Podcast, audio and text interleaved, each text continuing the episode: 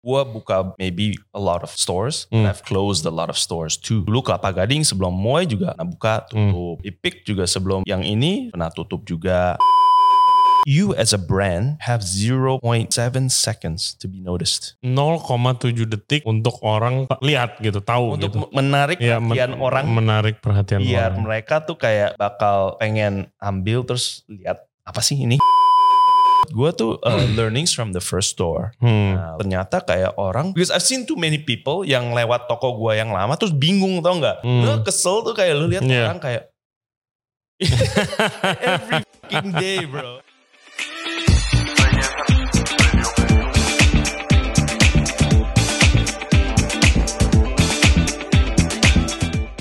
Everybody, thank you very much for tuning in to Ray Jensen Radio Podcast. Kali ini kita akan ngobrolin tentang kopi dan juga kafe bersama Aston Utan, co-founder dari Common Grounds.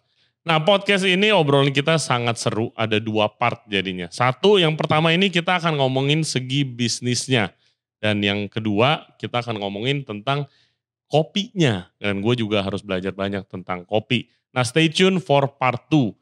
Di part 1 ini kita akan ngomongin dari segi bisnis. Common Ground yang udah punya 17 cabang dan semuanya sangat successful. Itu awalnya bagaimana? Karena udah sering gue bilang ya, jadi tidak ada yang instan apalagi di dunia F&B. Ternyata Aston juga pernah buka kafe, nah terus gagal dan hilang banyak duit katanya. Nah, tapi pelajaran-pelajaran yang dia dapat dari bisnis itu yang gagal, dia aplikasikan ke Common Ground dan sekarang it works. Common Ground sangat successful. Bagaimana sih perjuangan dia waktu ngerintis kafenya yang awal dan juga transisi dan tantangan yang dia hadapi itu apa untuk mengoperasikan bisnis sebesar Common Ground sekarang. Oke, hope you enjoy the show. Seperti biasa, jangan lupa subscribe di Jensen Radio Podcast. Kita ada di YouTube, Spotify, Apple Podcast, Google Podcast, dan juga Anchor App. For further updates, cek Instagram kita di Jensen Radio. Dan kita juga ada di TikTok, jangan lupa. Without further ado, please welcome Aston Utan. Enjoy the show. Aston, how are you, my brother? Good man, finally good to be here. Yes, good to finally meet you. Yes, Yes. that's true actually. Akhirnya ketemu. juga. iya. I felt like I've been texting you for a while, tapi Yeah. actually this is the first time we actually met. Ya. Yes. Gue malah ketemu bini lu dulu. Exactly, gue ketemu partner lu makan di pop up gue. uh, glad glad for you to be here. Terima kasih udah sediain waktu. Thanks for having me, man. And oke, jadi begini. eh gue banyak dibilang Hmm. DM, banyak banget DM dan komen. Eh gue kan nggak tahu apa-apa soal kopi. Hmm. Eh, I'm not really a huge coffee drinker gitu. Gue cannot tell a difference between beans. Jadi gue nggak pengen selalu kayak gue ngomongin yang hal gue nggak tahu apa-apa. Hmm. Right, so Ya, gue ya. jarang banget ngundang orang kopi gitu. Terus banyak banget DM, katanya podcast eh, seluruh F&B, kopi, industri kopi juga F&B, chef gitu kan, Ngom- invite dong gini-gini. Hmm. Nah iya, tapi gue takut, takutnya gue nggak bisa jadi lawan bicara yang baik gitu Benar, loh. benar, benar. Oke. Gitu lah. Tapi I'm learning now, I'm learning, that's why you're here, right? Alright. I mean, uh, again, coffee is just one product kan. Tapi Hmm. sebenarnya in terms of our business kan sama gitu. Intinya Yes. industrinya F&B-nya sama gitu. It's just that we started on different sides Hmm. of the past ya Hmm. kan. Kebanyakan ya chef and and kitchen selalu back of the house. Exactly. Ya, barista itu termasuk front of house lah with Hmm. service staff. Yes. gitu. So sebenarnya masih ya intinya masih in one in Betul, one tetap pot lah. hospitality. Correct. Yes. correct. Jadi guys, buat yang belum kenal nih, Mr. Aston Utan dia adalah co-founder dari Common Grounds. Outletnya ada 17. City Walk, Asta, FX, Moy, Pick, Neo Soho, PIM ada dua, Setiabudi, Pondok Indah standalone, Menteng standalone, BSD ada dua, dan Serpong. Hmm. And coming soon, beberapa. Right? Uh, hopefully ya. Amazing, Yeah. amazing. Yang pertama kan City Walk. Yes. Right, terus habis itu lu grow sampai sebanyak ini. Congratulations pertama. And uh, what's the secret, man? Oh man, I could write a book. yeah. I could write a book. Uh, uh, apa ya? I think there's so many different factors lah ya. Hmm. And then kebanyak orang juga um, apa tuh selalu asumsi kayak success comes like right away Hmm. instant Yes. kan which is absolutely No way. hell no Hmm. gitu. Gua buka maybe a lot of stores Hmm. and I've closed a lot of stores too. Really? Gitu. Yeah, Where? closed a lot of stores man. Okay. Yeah.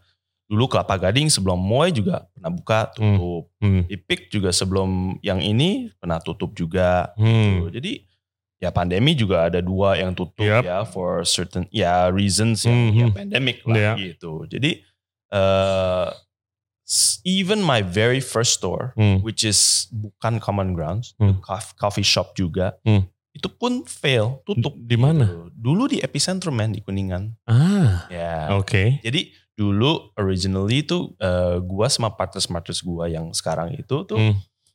abis kuliah, abis kuliah masing-masing tuh kerja nih. Ya, Hmm. Gua dulu kerja di Unilever, Hmm. terus uh, my other my cousin, my other partner Yoshi dia kerja di bank. Hmm. Si Yanto kerjain family businessnya which is also happens to be di kopi juga Hmm. gitu. Nah, kita karena kita main bareng terus, clubbing terus ya Cia. kan. Zamannya, zamannya habis kuliah. Jadi pengen ada side hustle lah Hmm. gitu. Which is you know pretty much where most people that yang nggak ada hospitality background pengen ada side hustle pasti biasanya Buka F&B. Yes, You know, banyak uh, banget. I don't I don't know what ha- kenapa, tapi iya. It's- menurut gue tuh kayak it's a Asian syndrome man gitu. Orang Asia kalau bisa tuh punya something to do with restoran atau Oh, iya. F&B. ya kan. F&B gitu. Ya, even kayak misalnya dia nggak ngurusin which is most of the time Iya. ya kan 90% Uh, dia mau kayak eh gue punya restoran kan. It's like a big exactly. I think something sexy kalau kayak ngundang yuk ke tempat gua yuk Yeah. gitu loh. Ya even though sampai sekarang pun ya misalnya kalau kita orang operation mau buka restoran atau mau buka cabang kan banyak banget yang mau naruh. Even though naruhnya kecil nih, invest Oh money iya. gitu kan kayak tapi mereka bisa ngajak teman-temannya kayak yuk ke tempat gua yuk gitu kan. Iya, Kayak yeah, ada, ada sense of kebanggaan sendiri gitu. Mhm. And, that's so orang Asia gitu. Iya, ya. iya. Orang ya orang Indonesia, Hmm, Chinese, orang apa timur gitu, lah Singapura, gitu. whatever gitu. Hmm. There's always ya kita sangat apa tuh uh, kuat di the the food and the Hmm. culture karena ya menurut gua juga karena for us eating is a ritual kan. Hmm, Jadi kayak lu di rumah makan tuh sama keluarga sama-sama gitu Iya. di satu meja duduk semua Mm-mm. makan ngobrol jadi itu ritual gitu jadi secara customary-nya emang eating is is a very important thing gitu Mhm. nah menurut gue kayak buat orang kayak Amerika atau Hmm. mungkin some parts of Europe it's not so much gitu Hmm. paling deket gue lihat orang Itali orang Hmm. Itali sama orang Chinese tuh mirip banget man Ya. not only do they both eat noodles Hmm. tapi eating together itu buat mereka tuh harus Iya. emas makanya di Itali the family unit is is very strong Iya, mejanya gede-gede gitu kalau Iya, Italian table. oh. Terus kayak oh masakan mak gue Hmm, atau hmm. oma gue atau Yeah, I never thought about it. Iya, like, Hmm. iya kayak gitu sih. it's cultural man. Yeah, and they both have noodles, right? Iya. Kalau ketemu orang Itali ngomong makanan sama orang Asia tuh nyambung gitu ya kan Mhm. meskipun nam- makanannya beda tapi nyambung and that's why they take their food quite seriously, right? Yeah, oh, dude. Cannot fuck around with Italian. That's what I'm saying, man. So itu yang yang menurut gua uh, menarik and and ya that's why everybody ya kalau bisa sih pengen punya something lah Hmm. Yeah, in terms yeah. of of, of a cafe Hmm. restaurant. Nah, so you open your Hmm. first outlet. Ya, jadi tuh kayak iseng lah ya Hmm. gitu kayak eh Kak, eh, kok start at that time I think Starbucks baru buka berapa tahun. Hmm. That's how old I am. Hmm. Eh, and eh, kita kayak lihat kayak ah shit man kok Starbucks bisa kenapa kita nggak bisa jualan kopi right Mhm. gitu. We were that stupid back then too. So eh, kita iseng-iseng man ada kali like a few days kita tongkrongin di sound we stayed like a fucking whole day in Hmm. Starbucks. Hmm. Cuman hitung lihat Oke, ya, belajar, pesen ya. apa, Oke. pesennya berapa, lalala ya Ya, estimasi lah. Gitu. business plan ish type of thing lah ya Hmm. gitu. Jadi at that time kita pikir ah they can do it, why can't we right? Mhm. So you know as dumb as we were, we tried it gitu. Actually when we first started, we wanted to ambil brand dari luar Hmm. gitu. Kita sempet brand dari UK, not very well known, tapi uh, something interesting about it gitu. Hmm. Dia kayak semacam Starbucks tapi ada Hey guys, kalau kalian suka konten seperti ini, jangan lupa like the video dan juga subscribe ke channel kita, Ray Jensen Radio Podcast. Back to the show. Own ciri khasnya lah gitu that we were attracted to lah ya. Tapi Hmm. produk lain dan lain-lainnya tuh formatnya tuh dari Starbucks. Mirip lah. Ya, ya 11-12 lah ya. Hmm. And then, nah itu kira-kira in 2007 gitu. Hmm. Kita sampai ke sana loh ketemu orangnya ngomong ini franchise ini ini apa. Eh 2008 krisis di sana. Hmm. 2008 krisis bankrupt. Ru- bankrupt. Oke. Bankrupt. 2009 kita juga bingung dong. Ya all of our efforts juga ya, tapi you haven't paid anything, right? No. Okay, no, yeah, but we were like contract was there. Ah, yeah, la, la, yeah, la, yeah. la. And uh, bankrupt. One year later, ternyata itu dibeli sama perusahaan dari Arab. Hmm. Terus sama perusahaan dari Arab itu diganti semua. Oke. Completely brandnya apa ganti. And what we loved about it, jadi kayak oh no we don't want don't Oke. want this anymore. Nah itu udah linglung tuh sekitar setahun lagi gitu. And then we're like, ah fuck man, what we gonna do gitu ya kan. We want to do something, but we don't have anything. Ya udah deh, daripada nggak ada penggerakan ya, let's just start gitu Hmm. with what we have around us ya kan. Uh, which is pretty much what we did, man. Like uh, just like any other person, you know, find a brand person yang bisa do branding, hire people, find a space, la la la la la la gitu, with completely no guidance gitu, just like our. This, Yeah. the, like just us discussing between ourselves. Hey, you think this is a good idea? Yeah, I think so. Right? yeah, so that's what we did gitu. And Uh. lo and behold, it was a complete failure. Okay, It like- Why? It's so really quiet aja gitu, Uh, sepi. Many different factors. Mm. Yeah. Number one is we didn't know shit, Mm. right? Or how to run an F&B business. We all Mm. had business degrees, but we had no degrees Nothing, in, yeah. in in in running an F&B business, Yeah. which is completely different. Now, you Mm. have theories coming out of school, but Iya, tapi no, it different different juga. Lu sekolah juga bukan di sini, and F&B business tuh it's totally different from any other business, right? It's very Correct. dynamic. correct. Yeah, dynamic is Yeah. a very good key point sih menurut Mm. gua. Yeah, it doesn't stop. Hmm. Nah kan. Jadi uh, it was a lot more challenging that we thought ya Mm, kan it would mm. be. It looks easy, but turns out you gotta do so much shit to make it look that easy. Iya. Ya kan, Mm. like it takes years and years of experience and mistakes to Mm. make it look Nah itu fucking easy. berapa lama tahan berapa lama outlet? Eh jadi sebenarnya udah emang gak untung Hmm. for like two years. Oh my god. Yeah, dude. And but we that's why we tried. You Yeah. know what I mean? Kita kayak ya tekornya juga nggak banyak lah Mhm. gitu kayak ya tekor dikit. Ya, tekor nutup dikit. mungkin. Ya, ya, you know, Been there, definitely, been there. definitely not getting money back Yeah, gitu yeah. ya kan. Hmm. Nah, But not in a way that kayak kita Hmm. kayak fuck dude, you know, where are we gonna get more money? Enggak gitu. Mhm. So it's just like that, tapi nggak ada propulsion, there's no Yeah. growth, right? And then ya ya customernya gitu-gitu aja gitu. Tapi dari sana ya kita belajar Hmm. everything. What's the biggest thing that you learn dari outlet itu yang nggak terlalu rame dan habis itu biasa-biasa aja? The biggest thing back then was that the, our biggest mistake was we didn't sell food. Oke, oke. Nah itu bakal bakal gua eh, perdalam tuh nanti ke Iya. depan. Oke, Uh, uh, uh. tidak jual makanan. Ya, Ah kalau nggak sekarang aja deh. boleh boleh. Nih, Ayo. gue juga gue ada bar, right? Ya. Gue ada bar. Eh, namanya Bura-Bura guys. Eh, kalau yang belum datang ada di Jalan Benda. Eh, cocktail Japanese bar. Nah, Oke. kita buka 10 months ago, Ya. right? Terus habis itu kita pikir ya kita buka di zaman kayak udah banyak juga yang cocktail small cocktails intimate place gitu kan. Ya, macam. kayak the hidden bar type of Yes, thing. kan. uh-uh. Hmm. Terus habis itu eh business was doing great actually Hmm. gitu kan. Tapi gara-gara nggak ada makanan, kita makanannya snacks. Ya, Kalau lu mau bar nyemil snacks, buat dorongan itu bar snacks, little bites gitu kita Hmm. ada. Hmm. eh tapi kita nggak ada kayak main course, you know, yang kayak gitu. Ya. What we realize kita tuh jam seteng sampai jam setengah delapan itu very low customer yang datang karena ya Ya. kita nggak ada nggak ada No makanan juga lah ya Hmm. for people to come. gitu. Hmm. Terus kayak oke mungkin kalau ada makanan, which is our goal this year itu Hmm. mau adain makanan gitu, Hmm. trying to fit the kitchen somewhere. Tapi eh, apa?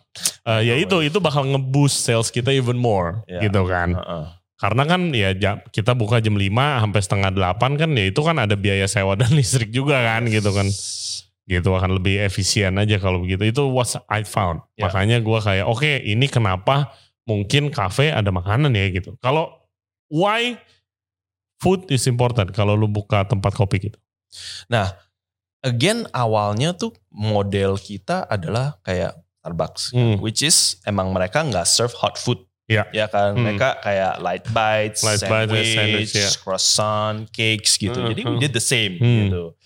Tapi ya at that time, ya not many people emang eat sandwiches gitu. Not many people eat that much cake juga gitu. You can only charge cake juga paling berapa gitu. Hmm. Itu pun kita nggak bikin sendiri Hmm. kita sup sama orang lain gitu. Yeah. Karena that's not what we do gitu. Yeah. And we figured oh asal ada aja gitu. Hmm. You know, uh, consignment or, Yeah. or beli putus type of basis juga marginnya is like almost nothing lah Mm, gitu. mm, Ya, mm. it's ridiculously low, right? To operate a, a proper Mm. profitable cafe or restaurant.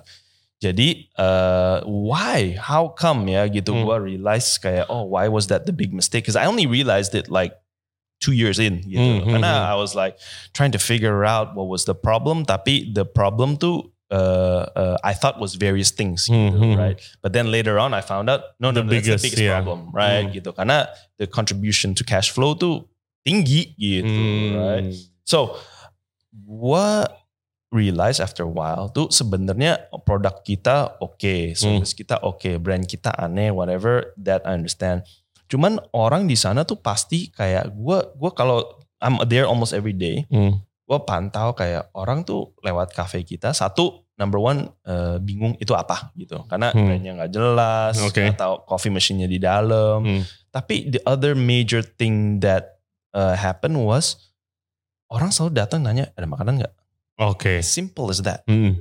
ada makanan nggak ada makanan tempatnya nyaman respon Hmm. rumahnya enak lalala tapi no food gitu Hmm, Jadi hmm. orang yang especially in that area which was MP Centrum itu kan business district area Ya, ya makan kan? siang gitu. Nah, makan siang apa tuh nggak ada. Hmm. Jadi orang will always pass us by karena nyari yang Ada makan Makanan siang gitu. terus kalian meeting apa gitu. Iya, macam ya. itu pun juga sehari bisa I don't know 10 people man. Hmm. Hitung aja 10 orang dikali how many Iya. course dish you can sell times 30 days itu Hmm. udah Yep, bisa it helps a lot. oh ya Hmm, hmm. higher ya lower margin than drinks tapi tetap aja cash flow kan tetap terus Iya, gitu. iya.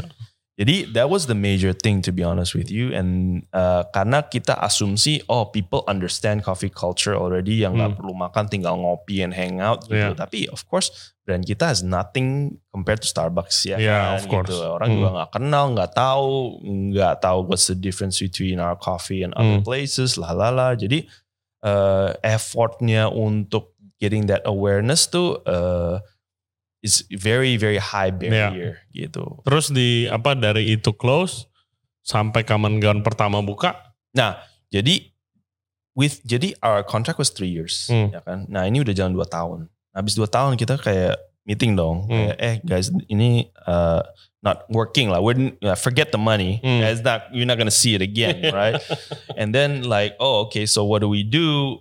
Uh, to what do we want to do gitu? Because we only have a year left, ya kan. A year ya you're not gonna make any money Ya, you're not gonna make the money back either. But what are we gonna do gitu ya kan? Like, what's the next step gitu? Hmm. Do we want to renew and go down the same path, or Hmm. try to continue to ya improve, improve it gitu, which is very difficult for a Hmm. new restaurant, right?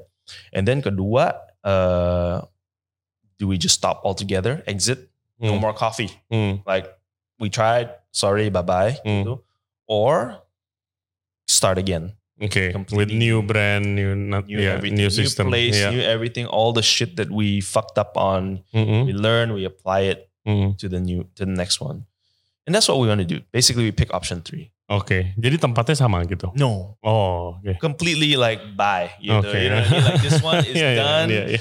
Let's close that book. Yeah, let's Yeah. open a new book gitu. Karena of course one of the the problems with that one juga ya locationnya Hmm. could have been better, Yeah. right? In, in the better mall, Hmm.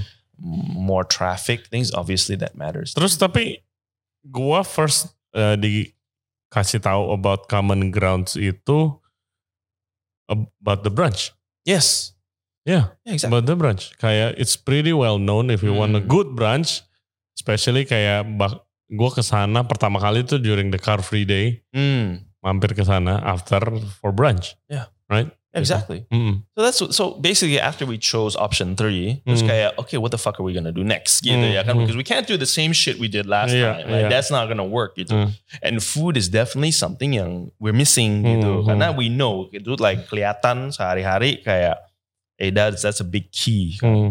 Nah during that time kita juga mikir kayak what kind of food do we do ya Hmm. kan. Nah kita semua tuh alumnus sekolah di Amrik gitu. Sama sekali nggak ada yang yang di Australia. Hmm. Which is in Australia, Brunch is big. Yeah. yeah, brunch is huge, Hmm. right? In the States, yeah, it's more diner culture, you know, Hmm. like cheap shit Yeah. and like black coffee, but it's not like Mm. gitu aja Hmm. gitu. Kalau di Australia, they, it's that and it's just much better. Gitu. Hmm. They just make it a lot better with all their all the talent, right? Hmm. The chefs and stuff like that. And coffee was very important. Nah, sambil kita dalamin kopi in those two years, we fell in love with coffee even more Hmm. because we decide we, we realized it's like, oh, it's not about frappuccinos, Hmm. right? It's about specialty coffee, origin. Yeah. It's about roasting. It's about uh, different flavors. It's you know it took a very wine turn Hmm. somewhere there, Yeah. and it, that became huge. And and what Ya lagi booming waktu itu. yeah, and we were one of the first to sort of Hmm. jump into that as well. Jadi we were really always looking and always trying to find out more. Jadi it was the the two places that it really started booming was in the states and in Australia, gitu. and actually Australia much more. Hmm. Nah, baru dari sana we learned about the Australian brunch culture and the and then we figured, eh, yeah, brunch, dude. You know what I mean? Hmm. Gitu. Terus kayak, oh yeah, it seems pretty easy. Like not something that people like us that are aren't chefs, like we could find somebody who could do a very simple menu, Hmm. co- consistent, yeah, consistently. And we surveyed around town, and it's like nobody really focusing Hmm. on brunch. There were some restaurants that had brunch, tapi that wasn't their main kayak focus or Hmm. tagline or what they were known for. And so that's what we did, man. We we luckily got a, a fantastic chef who used to work in hotels, is still working with us Hmm. right now. Uh, Nice. to oh, dime a dozen, man. Hmm. And he's uh, he we he had no background history on brunch food at Hmm. all, not even Western. He was uh, Eastern trained Japanese, gitu. Hmm. But then this is what we wanted and wanted. We did a few trials. We were lucky to find a place that in City Walk that was not too expensive, but also high traffic area. Hmm. And then we decided on a concept and a name that was easier to understand Hmm. than our previous Yeah. brand gitu. Jadi intinya kayak gue dulu kan uh, di Unilever four years I studied consumer marketing gitu. Nah dari sana lu kalau suka supermarket ya, if you want to buy like let's say I don't know instant noodles whatever kan, Hmm. you go to the rack kan tuh banyak banget kan brandnya kan. Iya. Unless you know what you're looking for ya kan. Hmm. Misalnya oh gue pengen coba sesuatu yang baru atau Hmm. something lalala gitu. Lu lihat, lu kalau it studies show that if you are in the restaurant uh, uh, rack, you as a brand, you have 0.7 seconds to be noticed. 0,7 detik To be noticed. untuk orang lihat gitu, tahu Untuk gitu. untuk menarik Ya, men- perhatian orang menarik perhatian biar orang. mereka tuh kayak bakal pengen ambil terus lihat apa sih ini gitu. 0,7 detik. My God. Oke. Ya, karena saking banyaknya kan, Iya, gitu. uh-uh. Terus kayak lu ke supermarket biasanya tuh ada ada list kan. Jadi lu Hmm. kan pasti muter-muter Iya. juga gitu most of the time lah ya. Granted most of the people in the studies kan pasti ibu-ibu rumah tangga yang Hmm. gitu shopping kan. Tapi ya that's how much time gitu. Jadi gue mikir habis itu I was like damn kalau waktunya segitu singkat gitu. Ya lu gue sebagai restoran dengan seberapa orang yang lewat toko gua di dalam mall tetap aja mereka tuh harus ya mereka kan makan tuh of course harus makan Hmm. atau minum kopi or whatever meeting kayak tapi kan mereka pilihannya banyak ya Hmm. kan gitu. Nah gimana lu bisa menarik perhatian mereka atau get them to come to your restaurant or store compared to everybody else Hmm. ya kan karena every time pa- pasti make a decision kan Iya. mau makan orang kita sih pasti makannya at least berdua lah Iya. gitu, berdua bertiga or whatever and then ya lu makin bikin brand atau desain Hmm. atau apa ya yang bi- yang represents your fucking face ya makin complicated makin aneh itu makin susah untuk Untuk Iya, untuk menarik orang karena orang processing dulu ini apa ya, ini dia Iya, gitu. itu harus simple banget man gitu to the point and simple itu yang gue belajar gitu. Hmm. Karena not not belum not for sure orang juga mau kayak berhenti lihat nanya-nanya gitu. Hmm. Ada yang cuma lihat oh aneh udah ciao gitu ya kan.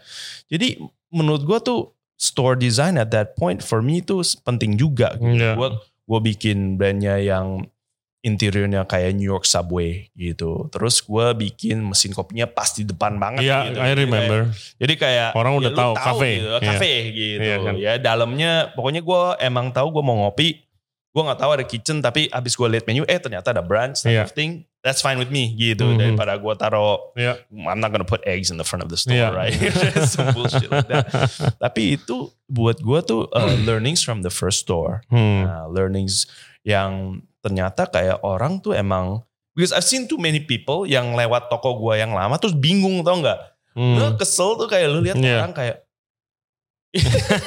every fucking day bro ya kan it's like shit like what the fuck did I do wrong Iya, ya kan iya, and then iya. that's why the second the, the second store gue bilang oh man I gotta make this as simple as possible gitu Hmm. even orang tuh nggak mau ke tempat gue Iya. mereka inget gitu oh ada cafe baru nih di lantai satu gitu ya putih-putih gini yang penting they know they serve coffee Nice. Dari satu outlet ke 17 itu how long does itu? Berapa lama? itu prosesnya again nggak langsung 17 ya Iya, itu bener-bener like roller coaster man kadang-kadang Mhm. gitu. jadi ada yang ya mulai satu terus satu tahun tiga Hmm. terus lima terus ada yang tutup terus Hmm. ada yang ini ini jadi 17 didn't come out of nothing gitu Uh, we've been around for eight years this is our ninth year Iya. next year is our 10th year so we've Hmm. been around the block ya Hmm. Ya udah pengalaman lah. Bukan, jadi kan guys lu tau lah banyak yang satu outlet baru buka setahun tiba-tiba ada 25 cabang gitu kan. nah, Ya bukan yang kayak begitu gitu nah, kan. Kita we're quite old school sih Hmm. brick and mortar we're organic Hmm. I prefer it that I prefer it that way sih. Absolutely. Yeah. because at the end of the day, like what you're looking for in this business is consistency. Hmm. That's it. Ya, Consistency. Especially agree. lu tokonya banyak, kalau lu bisa bikin semuanya konsisten, enak gak enak different story ya kadang-kadang ya. Hmm. Kalau lu bisa konsisten, itu aja udah challenge yang lumayan uh, gede banget Hmm. in order for you to to be su- survive alias be successful itu gue salut sih if you can do that gitu ya like your Hok, Hok Band, Hmm. Sate House Nayan ya kan atau balik ya they all pretty much taste the same gitu. Exactly. Karena at the end of the day orang tuh gak ada make decision ya Hmm. kan. Orang make decision kayak oh gue mau makan di mana ya gitu. Ya at the end of the day juga orang pasti pilih yang nyaman Jack Hmm. gitu yang satu semua orang bisa makan, dua lu tahu what you're paying for Iya. ya kan. Not a Hmm. lot of people di especially di Indo bakal terlalu adventurous Iya.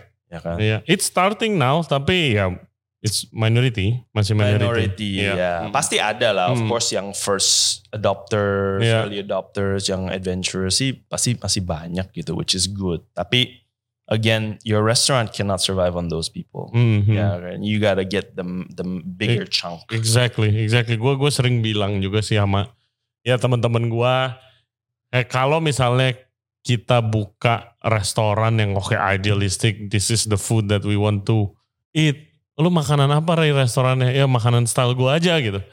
Ya itu kalau yang restoran yang datang gua, lu, teman-teman foodie kita, and other restauranters, ya nggak bakalan survive. You have to get the market juga gitu kan. I mean dude nggak usah sampai segitunya Noma aja mau tutup Jack Iya. it's it, Hmm. as a business ya Yeah. not as a, a food connoisseur Hmm. or a chef Yeah, or barista yeah, or yeah. anything but as a business that is not a No, sustainable no, no, no, no. model Gua, ya, uh, I worked there for Hmm. six months di Noma.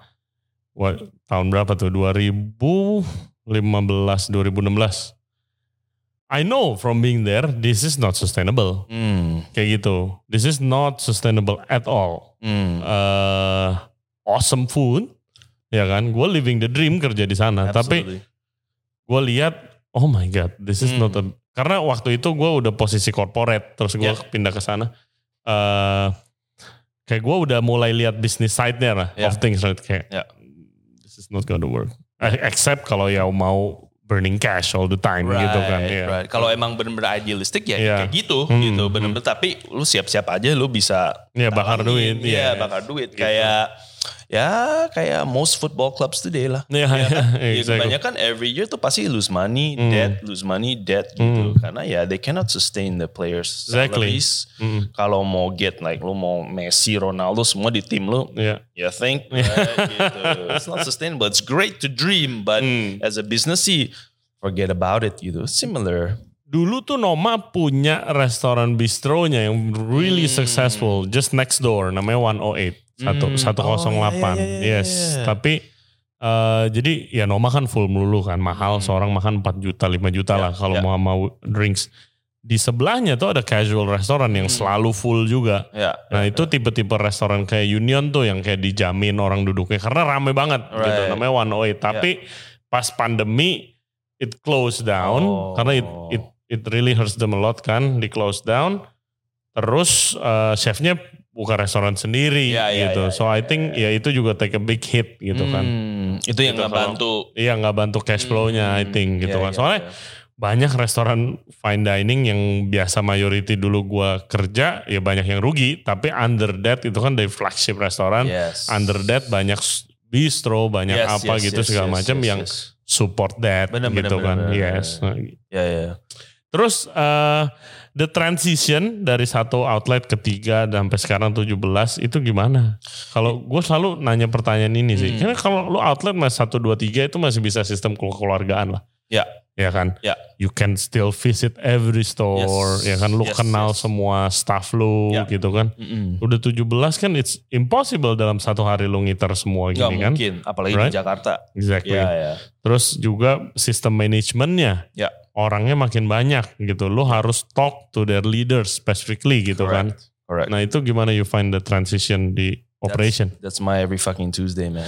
every Tuesday, it's 10 a.m. hmm. to 6 to 7 p.m. Hmm. Like itu gue meeting satu tim inti with my managers Hmm. non-stop, no Hmm. break gitu. Nah itu that's where I get most of the updates Hmm. ya. Tapi again, good. So back to your question.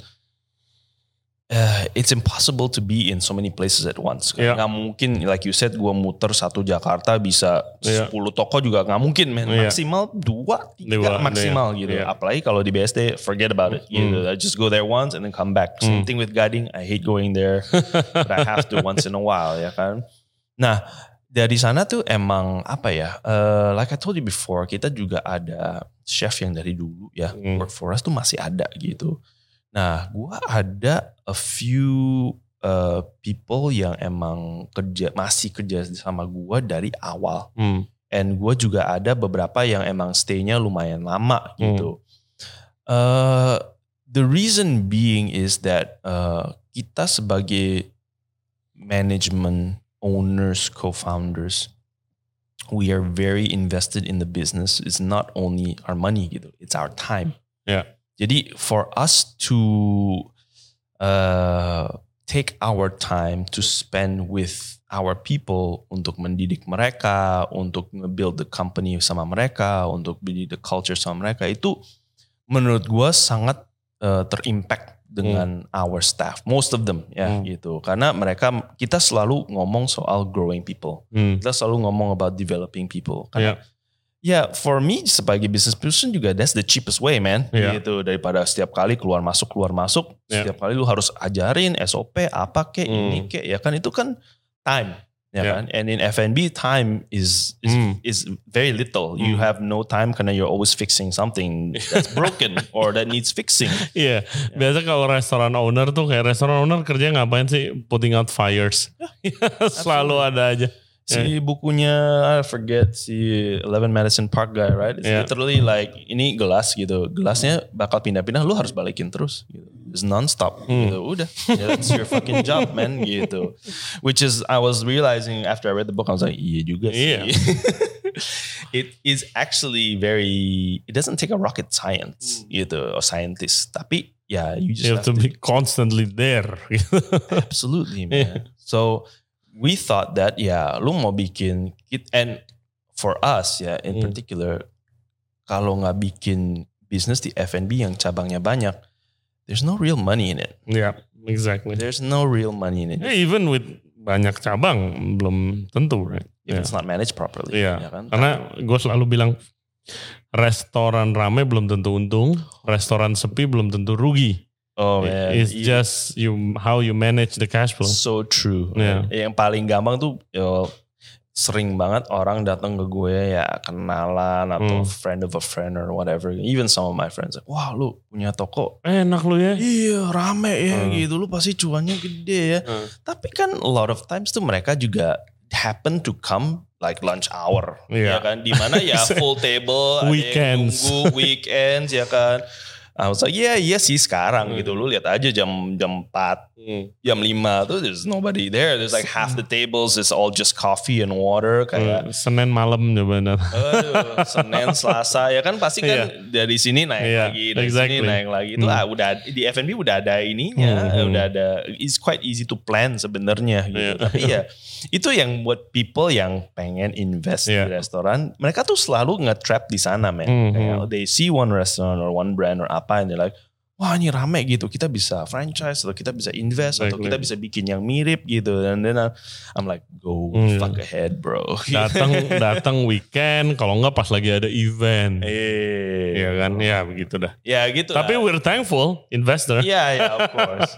But the real ones know. Yeah. ya kan? And the real investors, the ones yang benar-benar serius, like proper investors, they, you know, they're gonna look at your books gitu.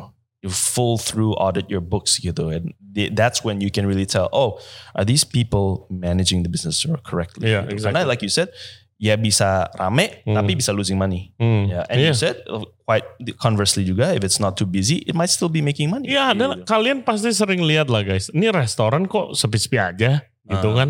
Nggak nggak pernah peak rame ngantri gitu kan. Hmm. Tapi kok buka belasan tahun bertahan ya cash flow-nya bagus Benar. gitu kan. Uh-uh. Right? Dan iya. ya kan. Heeh. Dan nggak semua orang kayak oke kalau nggak cuan 100 juta tutup gitu kan. Iya, kan? heeh. gitu. Ya, Ya, different different mindset aja. Exactly. And and itu ya that's the business part of it. ya kan? Mhm. Yang which is another thing yang super seru and something yang I've been really going at it Hmm. for quite a while karena ya kemarin pandemi. Iya, exactly. Wah, mau kemarin pandemi wah gokil kan. Hmm. Especially for our industry itu bener-bener kayak Waktu pandemi lu udah ada berapa cabang? I think I had 13 13 or udah. 12 something like that. Uh, or maybe 11 11 or 12 Terus gitu. hit hard dong pasti Oh kan. pasti heeh, hit hard. What do you do? wah dude like at that time bener-bener uh, you don't know what's happening tomorrow Hmm. ya kan which in our industry itu kayak that's crazy Hmm. gitu lu nggak bisa nge-plan Hmm.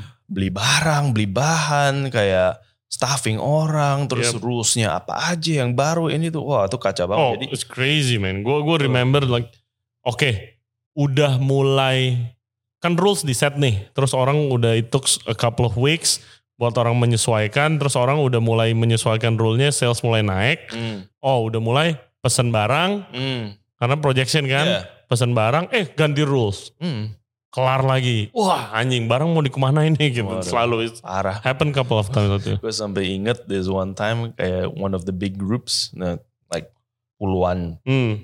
rest, apa tuh chain sebar kayak flyer nasi goreng Yeah. like 20,000 man. Yeah.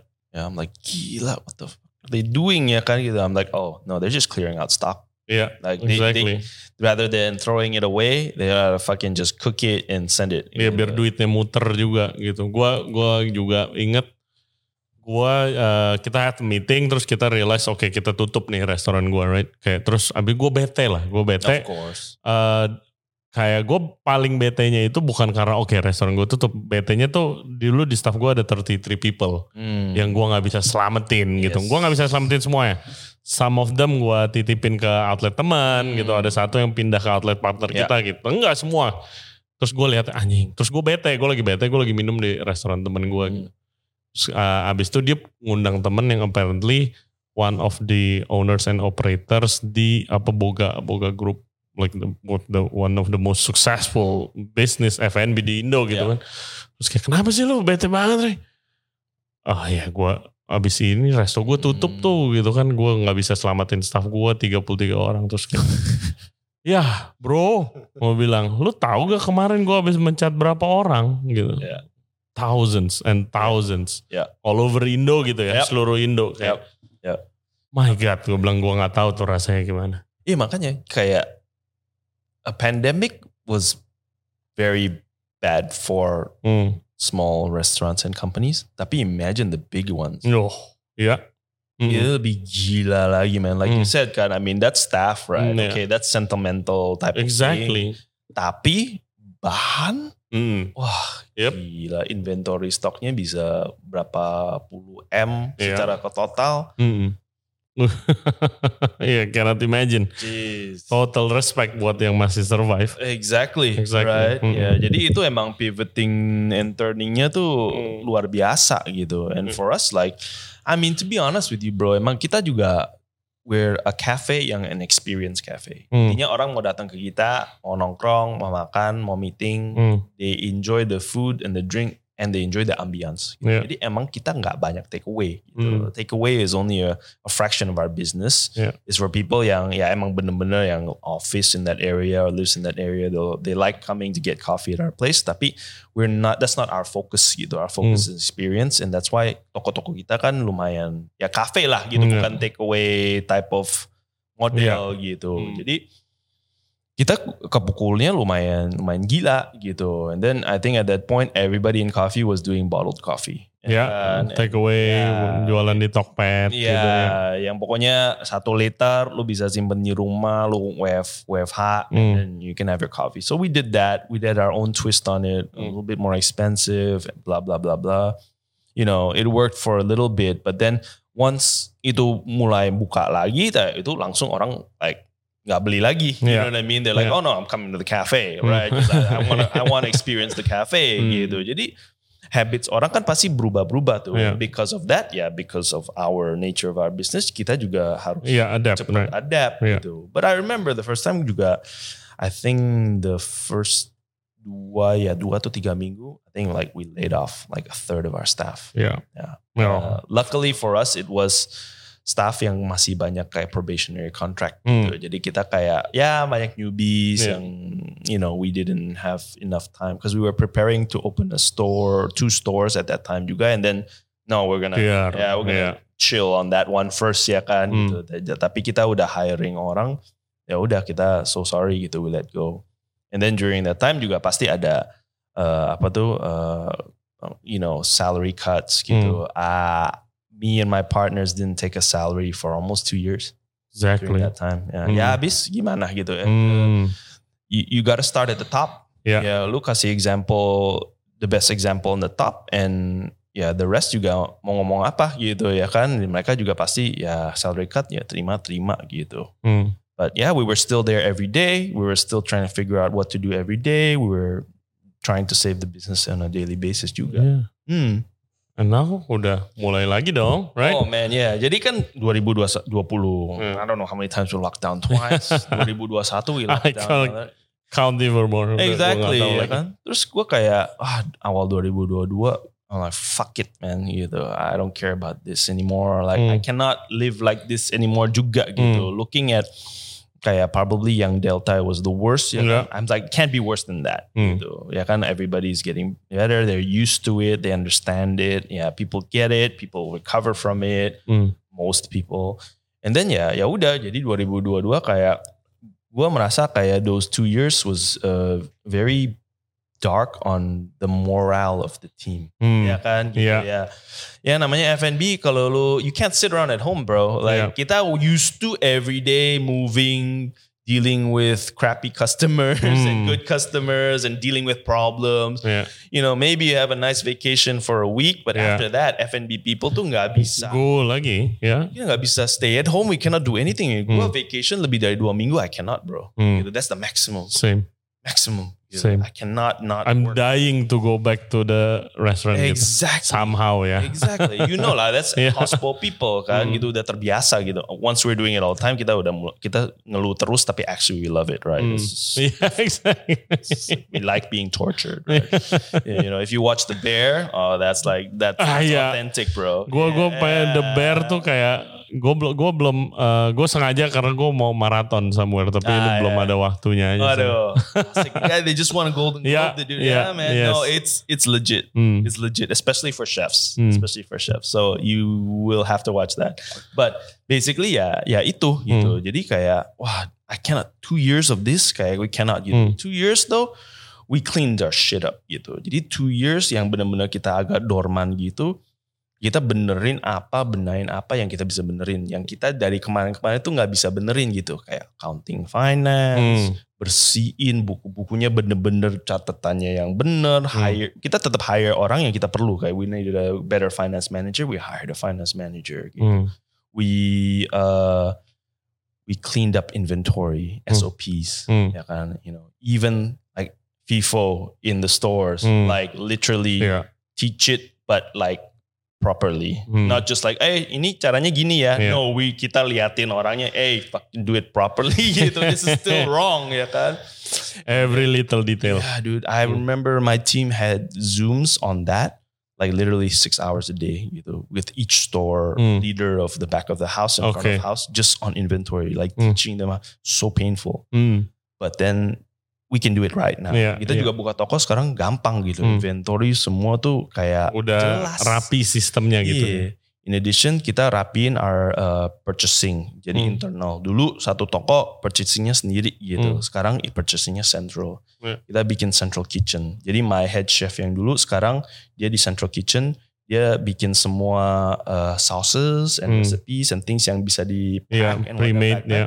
Di sana gitu. Jadi di toko tinggal oh saucing, finishing, portioning. Hmm. All the main proteins, the expensive stuff, we portion in the central kitchen. We Yeah. weigh, we portion, we vac pack, we send as units. Hmm. So as uh, it inputs as a unit and outputs as a unit gitu. Yeah. Jadi in the store juga terimanya masuk ke sistem, keluarnya kalau ada pesanan itu pasti keluarnya one of this, one Yeah. of that, udah ingredient focus and base gitu. That was very painful. Hmm. And then uh, at that time we also decided to invest in a pastry kitchen. Hmm. Karena sebelumnya we didn't have any pastry at Oke, all. sebelumnya lu outsource sekarang lu bikin sendiri. Correct. Ah, Even nice. outsource-nya juga ya nggak terlalu konsisten gitu. Mhm. So we were quite frustrated with that for a long time Hmm. uh, because taking from suppliers uh, ya segimana mungkin lah, lu nggak bisa tell them what to do ya Hmm, kan kayak hmm. eh ini nggak enak nih atau apa kayak mereka juga oh yeah yeah, Yeah. we'll fix it next time Yeah. gitu and then ya kita kan ya as you know coffee people and chefs are control freaks kan Yeah. ya kan it's like if you can't fucking do it I'll do it myself ya kan type of thing jadi ya kita decided to invest in a pastry kitchen where we saw oh another complement to coffee other than food gitu Hmm. karena kita merasa kayak lu mau buka toko juga nggak mungkin semua toko tuh uh, ada kitchen gitu. Atau ada kitchen that serves this kind of food nggak belum tentu semua orang suka Hmm. ya kan? Which is the, the case like I told you before Kelapa Gading kan? Yeah. we did really well when we first opened the store. Six months was really good. And then after that tuh kayak free fall the first store. Why? Ya karena orang Gading tuh nggak suka Western food man gitu. Hmm. nggak biasa dengan brunch gitu Ya, Mereka- different area have different people, different culture, ya kan? Itu Jakarta gila, it's so complicated man. Hmm. Ya kan? Jadi every learning from setiap suburb tuh Ya. taste and preferences so different. Jadi lu it's very difficult to copy and paste menurut Hmm. gua ya gitu. I bet even the international chains ya, Starbucks or whatever tuh or McD itu pasti each Of area course. Like beda. Di luar nggak ada ayam goreng kan, McD? Oh itu Di, pasti. Iya kan? Itu No, pasti. nobody likes fried chicken more than Indo gitu Yeah. kan. And they sell more fried chickens than they do burgers, I'm pretty sure. Iya. Iya kan?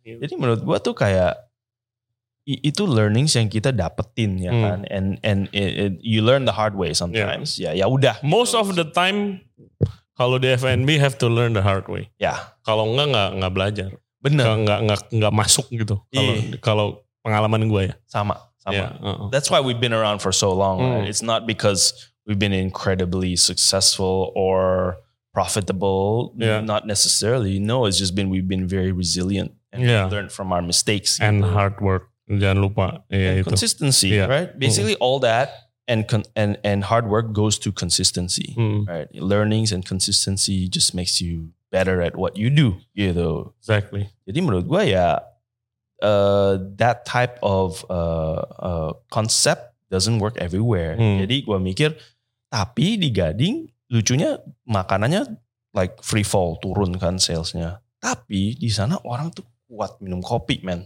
Hmm. Di Gading kayak coffee drinker banget gitu. Sampai even in the evening tuh ada aja yang order like long black Nice. gitu or or like double double shot cappuccino like Hmm. like at eight or nine, right? And I'm Hmm. like, the fuck, right? Gitu, like, that's so weird because you don't find that anywhere else. Yeah. Gitu. So actually, if we just took our coffee sales, it- we would be profitable. Hmm. If not for the space we rented for For the full kitchen, yeah. yeah. You understand what I mean? Yeah. it's not because they don't like our product. They Mm. like a certain part of our product, Mm. but they don't like another certain part of product. So secara business it doesn't make sense. Mm. gitu. Tapi if you can tweak it Yeah. because you've learned these things, then you can be profitable. Uh, Yeah. The numbers are there. Gitu, Yeah, ya kan? exactly. It's That's how you manage, ya right? That's how you manage, ya. Jadi Itulah ya- tadi contoh right, yang rame belum tentu untung itu. Ya, Jadi yeah, we we closed that store, but Mm. then we came back and then we eh, came up with a concept that's like smaller, Hmm. more takeaway focus or Yeah. small break type of thing, coffee and pastry. Yeah. Yeah. So the coffee still does well. Hmm. Dan lu ada tambahan di pastry, which is orang di sini emang udah ada uh, habit untuk beli dan makan roti, Iya. meskipun not necessarily all the fancy French, Hmm. ya kan. Tapi orang udah terbiasa beli roti buat besok sarapan Ngerti. atau ada snack buat di meja di rumah ada yang lapar anak-anak lapar atau Hmm. siapa yang lapar tinggal bisa ambil buat nyomot ya kan gitu jadi that's where we figured out oh you know this can be a very key part of our business if we do it right. And it we can also open more stores with smaller capex. Hmm. we can open be more aggressive in different parts as well. And basically i think nothing is going to change for us in terms of kita bakal very coffee focused. Hmm. like because that's who we are. That's our identity. We are not going to pretend like we're something else or somebody else jadi everything that we do is this coffee outside of coffee whatever gitu we don't care we don't want to really do sometimes anything. tapi itu gimana ya, as a hands-on owner Mm. and operator itu kadang suka we forget about that sendiri gitu loh. yeah Gua gua kasih pengalaman gua dulu di Bura-Bura gua eksperimen. Mm. Eh, we open couple of months terus lihat reportnya kan profit. Tapi kok kayak kok cuma segini Mm. gitu ya, gitu kan. Oh, eh, makanan makanan ya harus invest di kitchen jangan dulu deh gitu kan. Mm. Ntar harus kayak ada construction lagi gitu. Jangan dulu deh. Eh gimana kalau terus ada dari eh, temen kita yang investor juga ajak kita ke eh, outlet Mm. eh, Miss Jackson Mm. with the awesome lighting band gitu Hmm. segala macam. Wah lagi live band rame banget nih gitu Yeah. kan. Oke kita coba eksperimen deh kita fullin bulan depan live band tiap hari gitu kan. Mm. Oh my god that was a really expensive mistake bro. gue kayak pas lagi in the middle of it terus kayak oke ada rame ada enggak ada rame ada enggak terus kayak gue mikir kenapa gue harus jadi another place yang begitu padahal Yes. tempat ini adalah a freaking cocktail bar Mm. gitu kan terus Hmm. kayak my god terus ya why do we pretend to be somebody else gara-gara lihat tempat itu rame Yeah. gitu kan udah jelas-jelas ya infrastrukturnya lebih bagus buat live band with the sound system apa gitu ya kan, gitu. ya. ya itu itu gue belajar Tapi juga that's the thing kan, kayak orang-orang kita ya kita harus nyoba iya digampar dulu baru Hmm. ngerti ya Hmm, kan. hmm. Awalnya sih oh iya lumayan juga ya, seharusnya bisa juga kita why not tinggal gini-gini gitu-gitu. iya terus kayak buat gua begitu gua lihat bulan depannya financial statement gua lihat anjing ini duit ke mana ya kan live band pak tiap hari motherfucker Iya, iya, iya, Oke, iya, iya. stop that shit. Exactly. That's what we learn too. Makanya kita juga whatever if we do things itu pasti harus ada gandengan kopinya. Jadi sebenarnya kita bikin produk yang lain inovasi, innovate tapi harus complement dengan coffee. Ya. Intinya the customer the customer base is still the same. Hmm, They know us for the same things Yeah. and the quality that we pro- provide there. Yeah. But we also give them an option of oh you want to complement this with something else that we made Yeah. in house juga gitu hmm, ya mereka nyoba ya great kalau mereka su- su- suka Hmm. kalau mereka nggak suka oh ya udah gitu nggak apa-apa juga yang penting they may still come back for us with us for coffee and the ambience Yeah. ngerti nggak lo jadi at the end of the day kayak oh lu udah tahu lu ada loyal customers atau people that come to your coffee shop ya namanya juga lu mau naikin average bill dong yeah, of course. that's just part Yeah. of the game. Mm. Mm-mm. Nah, that's the business side. Ya. Right? Sampai kita, gue belum ngomongin kopinya dari tadi. ya.